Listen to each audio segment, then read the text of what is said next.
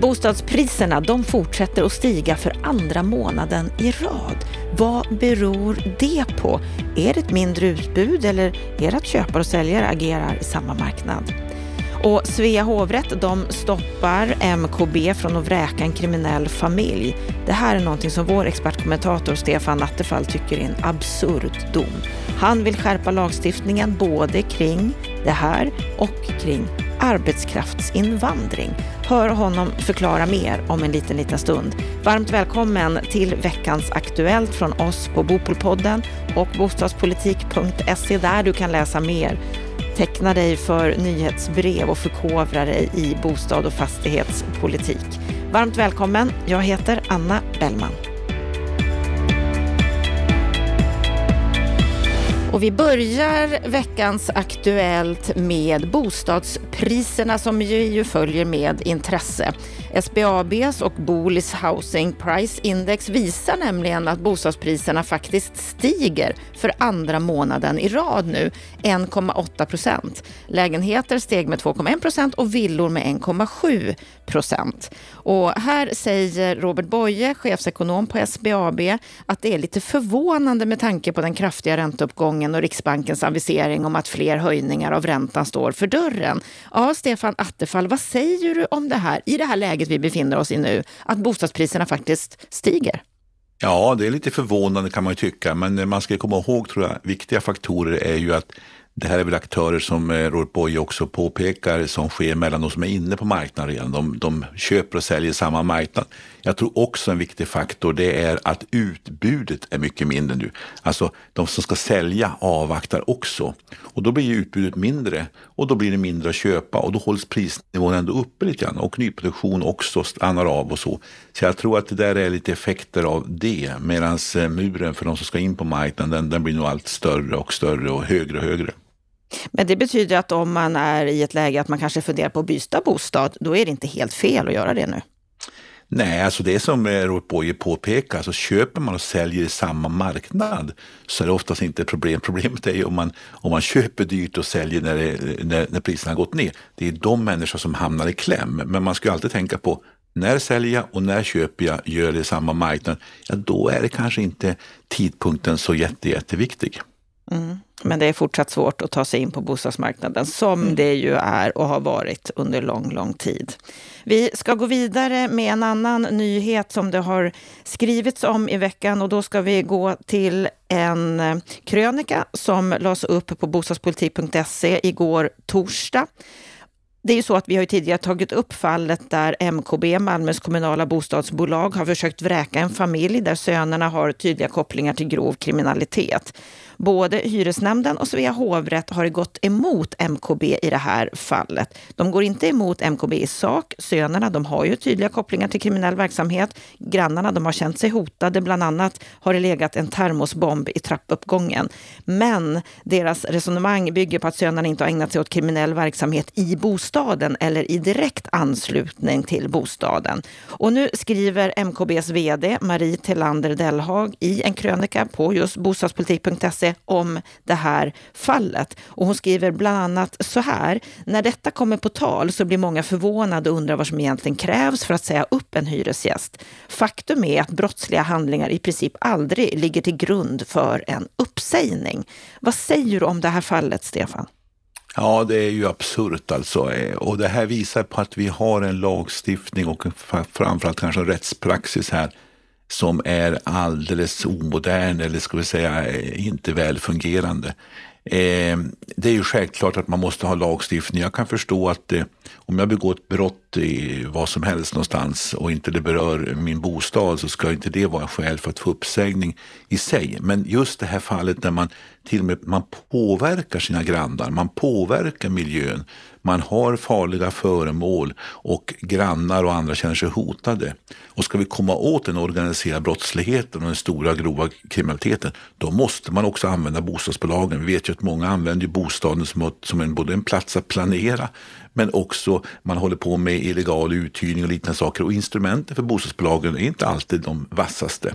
Så eh, från mig inte här behövs ett initiativ från regeringens sida att se över hyreslagstiftningen, inte minst på det här området. Eh, vi måste kraftsamla och då är också eh, bostadsbolagens ansvar för att försöka komma åt de här kriminella elementen, särskilt när de påverkar sin omgivning. Då borde det vara grund för, för vräkning helt enkelt. Så här behöver nog lagstiftaren se över det hela. Ja, och det kanske de kommer att göra, för det finns ju just nu en utredning om tryggare bostadsområden som ju pågår just nu. De ska lämna sitt slutbetänkande senare i år. Marie hoppas mycket på den här utredningen. Tror du att den kommer att leda till någonting? Ja, jag har inte hunnit läsa vet nu, direktiven, för det är de som styr vad den här utredningen kommer komma fram till. Men jag hoppas också självklart att man där, och här skulle ju också regeringen annars kunna ta tillfället att eh, ge eh, tilläggsdirektiv och ge dem lite mer tid för att de ska kunna titta på de här aspekterna. Så det här borde man titta på från regeringens sida. Är direktiven tillräckligt breda? Eh, tar man upp de här frågorna? Behövs det tilläggsdirektiv eller inte? Så att eh, här finns det anledning för en regering som vill bekämpa kriminalitet och brottslighet att agera. Ett eh, annat omtalat fall där de inblandade inte är kriminella men som ändå har drabbats av ett väldigt märkligt regelverk rör den koreanska forskaren Linda Ok som det har skrivits en del om i veckan här. Hon är gravid. Sedan två år tillbaka så är hon gift med en svensk läkarstudent. Men hon har fått avslag på sin ansökan om uppehållstillstånd beroende på att hennes man bor i en studentlägenhet och därmed inte anses ha ett varaktigt boende. Och hon säger bland annat så här i en intervju, vill Sverige inte ha oss? Vad säger du om det här knepiga ärendet? Ja, det här är skrattretande, men det är ju också lite typiskt. Jag har många vänner och bekanta som är gifta med, med, med någon som kommer från ett annat land utanför EU-området och det är så krångligt. Och det är, jag får intrycket av att Migrationsverket verkar ha som sport att göra det så svårt som möjligt för exempelvis giftpar att få bo i Sverige. Eh, självklart ska man komma åt dem som håller på och fuskar med det här, men, men när det finns uppenbara tecken på att det här är seriösa långsiktiga förhållanden, då måste man vara smidig. Det här är ett absurt exempel också.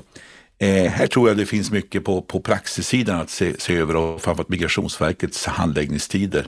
Eh, det, är, det är helt eh, otroligt hur man kan krångla till det för, för vanliga människor som försöker göra allting rätt.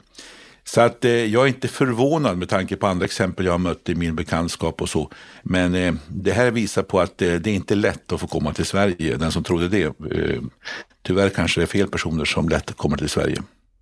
Och det som är intressant här det är just att de har ett boende, visserligen en studentlägenhet, och att det är den som fäller det hela. Och eh, SULFs ordförande Sanna Wolk säger till TN att snart har vi skrämt bort de sista högkvalificerade forskarna från Sverige. Precis. Så det här har ju fler effekter också för Sverige som land, som nation, för företagen, för innovationen. Att det här är ett sånt vanligt förekommande annat exempel är ju när man ska få tillstånd för att studera här. Man kommer som utländsk student betala för sina studier. Och så är handläggningstiden så långa så att man hinner inte börja terminerna. Eh, alltså det finns så mycket brister på det här området eh, så att eh, ja, det finns anledning för en ny, ska bli en ny generaldirektör att ta tag i många frågor på Migrationsverket. Mm, vi får hoppas att det blir skillnad där. Vi ska gå vidare och prata om maktskiften som vi ju har sett både i Stockholm och Göteborg. Det är nu vänstermajoriteter som styr de tre svenska storstäderna. Och därmed så kan man ju säga att fokus kommunalt riktats mer mot hyresrätter. Och i Göteborg så skriver nu fyra företrädare för högerpartier, Hampus Magnusson för Moderaterna, Martin Wannholt för Demokraterna, Eva Flyborg, Liberalerna och Mats Adrian för KD. De skriver på GP Debatt att vänsterstyret tvingar barnfamiljer från stan. Att det nya vänsterstyret i Göteborg vill riva upp startplanerna för hundratals nya småhus. Dessutom vill de fyra partierna stoppa möjligheten att bygga 5 000 nya villor och radhus i Kärra, Skogome. Det riskerar att hota jobb och välfärd för många år framåt. Det är en tragisk utveckling. Ja, vad säger du om, om det här, Stefan? Ja, men det som du påpekar, det är alltså ett trendskifte på gång där man alltså styr om mot eh, ännu högre koncentration på hyresrätter. Och då ska man komma ihåg att vi har inte haft brist på byggande på hyresrätter i relation till andra ägandeformer. Under många år har det varit ungefär jämn fördelning mellan hyresrätter och bostadsrätter. Eh, så att det finns ingen anledning att styra om. Man ska bygga mer av allt. Det är där som problemet är.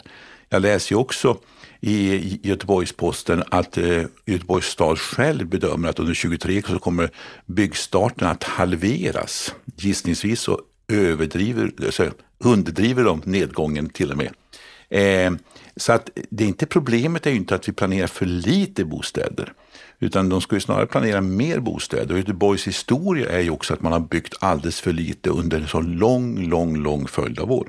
Dessutom vet vi att människor vill bo i småhus, särskilt när man kommer i familjebildande ålder.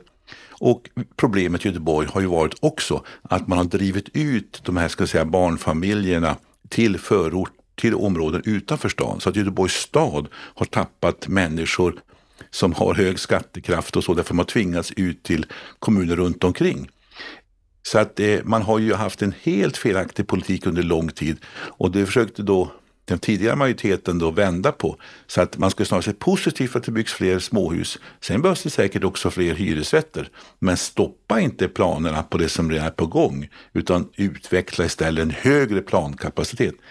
Men den här kursändringen som sker, jag personligen är starkt kritisk mot den. Jag tycker att vi behöver sagt var fler småhus, fler ägda bostäder, men självklart också fler hyresrätter. Och problemet är som sagt var inte att det planeras för få bostäder, utan att det, planeras, eh, att det planeras för mycket bostäder. Det borde planeras för fler bostäder och det behövs båda boendeformerna. Ser vi det här skiftet i Stockholm och Malmö också, att, att det drivs mot ja, mer hyresbostäder ja. och mindre småhus? Framförallt, fram, framförallt i Stockholm. Malmö har ju varit socialdemokratiskt styre nu ett eh, antal perioder, men i Stockholm har det precis den samma trend. Man stoppar alla planer som innehåller exempelvis ägarlägenheter, den här formen som inte är så vanlig i Sverige, men som ändå börjar ta sig mer och mer i Stockholm. Det ska man helt stoppa nu. Och så styr man om också där planeringsarbetet mot mer av hyresrätter. Man betonar det hela tiden. Och så vet vi också att nya hyresrätter, de är dyra. Eh, långsiktigt så vet man ju också att äger man en bostad, då har oftast en bättre ekonomi. Även om man kan få räntesmällar och allt sånt där som vi har haft under senare tid, så är det ofta långsiktigt en bättre ekonomi om jag bo, ska bo länge på en plats. Och så vet vi också av olika undersökningar att människor vill ju förr eller senare i sitt liv bo i ett ägt boende och ett småhus. Särskilt om man är som sagt var i familjebildande ålder. Så att eh, det är en mycket märklig politik som jag tycker förs av Göteborgs nya styre och liksom också Stockholms nya styre. Mm. Politiken påverkar onekligen vad som sker. Självklart. Vi ska, vi ska gå vidare med en annan sak där ju politiken också påverkar och det rör byggfusket. Vi har tagit upp det här många gånger här i podden, att det är utbrett och du har ju också lett en kommission om detta, Stefan. Och nu vill regeringen införa ett inkomstgolv på 33 000 kronor i månaden för arbetskraftsinvandring. Och här har Byggnads Johan Lindholm sagt att det här är helt fel väg att gå för att minska fusket i byggbranschen. Han menar att fuskarna, de fuskar ändå. Och i princip så följer de med de anställda till bankomaten och tar tillbaka största delen av lönen oavsett om den ligger på 33 000 eller 13 000 i månaden. Vad säger du om det här? Har han rätt i det att ett inkomstgolv skulle göra att det kanske är ännu fler som fuskar? Ja, vi tittar på det här i byggmarknadskommissionen som jag ledde och eh, vi delar uppfattningen med både Byggnads och regeringen att man måste skärpa villkoren för arbetskraftsinvandringen. Därför att vi har fått in en hel del, ska säga, arbetskraftsinvandring som har varit mera av, eh, ja, det har varit, det bygger på att man antingen har försökt fuska med, med kollektivavtal eller på annat sätt till och med mer organiserad kriminalitet. Inkomstgolvets tak, eller inkomstgolvets storlek, det kan man diskutera om det ska vara 33 000 eller 30 000 eller så. Det behöver ligga betydligt högre än dagens 13 000 som har kommit till efter en praxis bara. Det var inte med i lagstiftningen från början. Eh, jag tror inte på Byggnads förslag om att det ska vara en arbetsmarknadsprövning där facket har veto. Det är både en krångligare process men också att man blir utsatt för ett fackligt godtycke då när man är som arbetsgivare behöver en viss kompetens. Däremot har vi i Byggmarknadskommissionen pekat på vikten av att man eh, i lagstiftningen förbjuder den här typen av beteende som Byggnads ordförande eh, pekar på. Det vill säga att man kan ta tillbaka en del av lönen för oskäliga kostnader. Man säger att det är så dyra boendekostnader så bor man eh, uruselt. Eller man har skyhöga kostnader för resor säger man och så plockar man tillbaka den utbetalda lönen. Det förekommer. Och eh, det borde man också ha en tydlig lagstiftning mot det beteendet. Det skulle både skrämma bort en del för att försöka med detta men också att göra att man har ett instrument att komma åt de här bättre än idag. Så att det behövs en skärpt lagstiftning här. Det behövs skärpta regler för arbetskraftsinvandring. Men vi ska ju behålla möjligheten att locka hit kompetens, locka hit människor som behövs för att få en arbetsmarknad som fungerar bättre. Vi behöver utländsk arbetskraft, men det ska ske under schyssta villkor och med ordning och reda. Och då är dagens regelverk alldeles för liberalt, det tycker jag också. Så du tycker att den arbetsmarknadsprövning som togs bort 2008, som Byggnads nu tycker att man ska ta tillbaka, att det är rätt väg att gå? Nej, Nej men det, alltså det, jag tycker inte det. Jag tycker inte man ska gå den vägen. Nej. Utan man ska mera lagstifta mot eh, det här beteendet som Byggnads pekar på, som faktiskt förekommer. Eh, men jag delar också uppfattningen att det är rimligt att höja golvet, inkomstgolvet Eh, vilken nivå man ska lägga sig på exakt på, det kan man diskutera. Jag personligen skulle gärna ligga lite lägre än 33 000, men, men det, vi pratar nu om 5 000 kronor plus och minus och sådana saker. Vi ska avsluta veckans Aktuellt med en liten annan vinkel på den, den kris som vi är inne i just nu. För vi vet ju också att kriser kan leda till möjligheter och just nu så kan vi se att Titania köper New Living, före detta Junior Living, en modulproducent som tillverkar moduler för just Titania. Bolaget de har också ett markanvisningsavtal i Salems centrum på ungefär 100 lägenheter och så har de andra bostadsutvecklingsprojekt i tidiga skeden i Stockholmsregionen. Och den här totala köpeskillingen för den här affären uppgår till 13,1 miljoner kronor. Och vd Einar Jansson, han säger att det här är möjligheten som kom upp, att det beror förstås på det här mörka läget för byggstarter generellt, där så många bolag har satt paus i nybyggnation. Det är märkligt att tänka att bara för ett och ett halvt år tillbaka i tiden så var det högattraktivt för fastighetsbolag att köpa in sig dyrt med mindre ägarandelar eller investera från grunden i bostadsproducenter med fabrikstillverkning, medan vi nu kan göra ett totalförvärv på dessa nivåer av en färdig fungerande kvalitetsverksamhet. Ja, Stefan, vad säger du om, om det här? Ser vi fler och fler av den här typen av affärer just nu? Mm. Jag tror att det här är ju bara ett litet exempel på vad som kommer hända. Vi kommer att se mer av under 23 och 24. Det är omstruktureringar. Det är de som har svagt med kapital, eget kapital eller som eh, har haft alldeles för hög belåning eller som har fått problem, då, som det här fallet, då producera bostäder för att man ser framför sig att marknaden sviker. Och så hamnar man i, i olika typer av problem. Och så de som har då lite mera muskler, de som har kapital, de går in och investerar och eh, kan göra det under ganska vettiga villkor.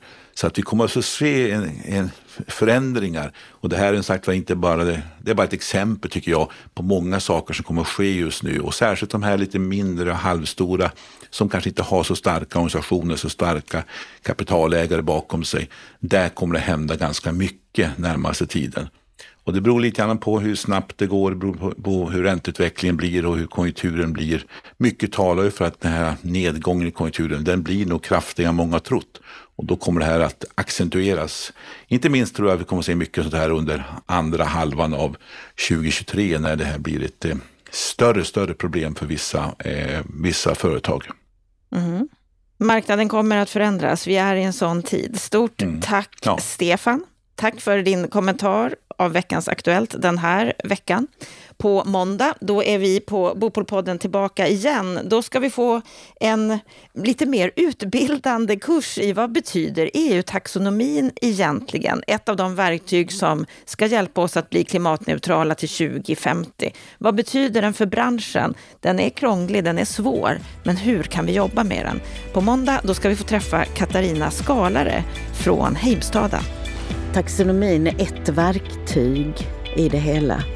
Eh, och hela syftet med den är ju att styra om kapitalet till hållbara investeringar eller att vara med på en resa som driver EU eh, i rätt riktning. Sen tror jag att vi alla till mans som företag och privatpersoner, eh, ideell sektor, var man än finns, måste fundera på vad kan jag göra i min vardag som bidrar till en ökad hållbarhet. Och, och där så är det ju önskvärt att politiken driver i den riktningen också. Ja, där hörde du Katarina Skalare. Hela intervjun med henne, den får du ta del av på måndag. Så jag hoppas att vi hörs då. Fram till dess, ha en riktigt trevlig helg.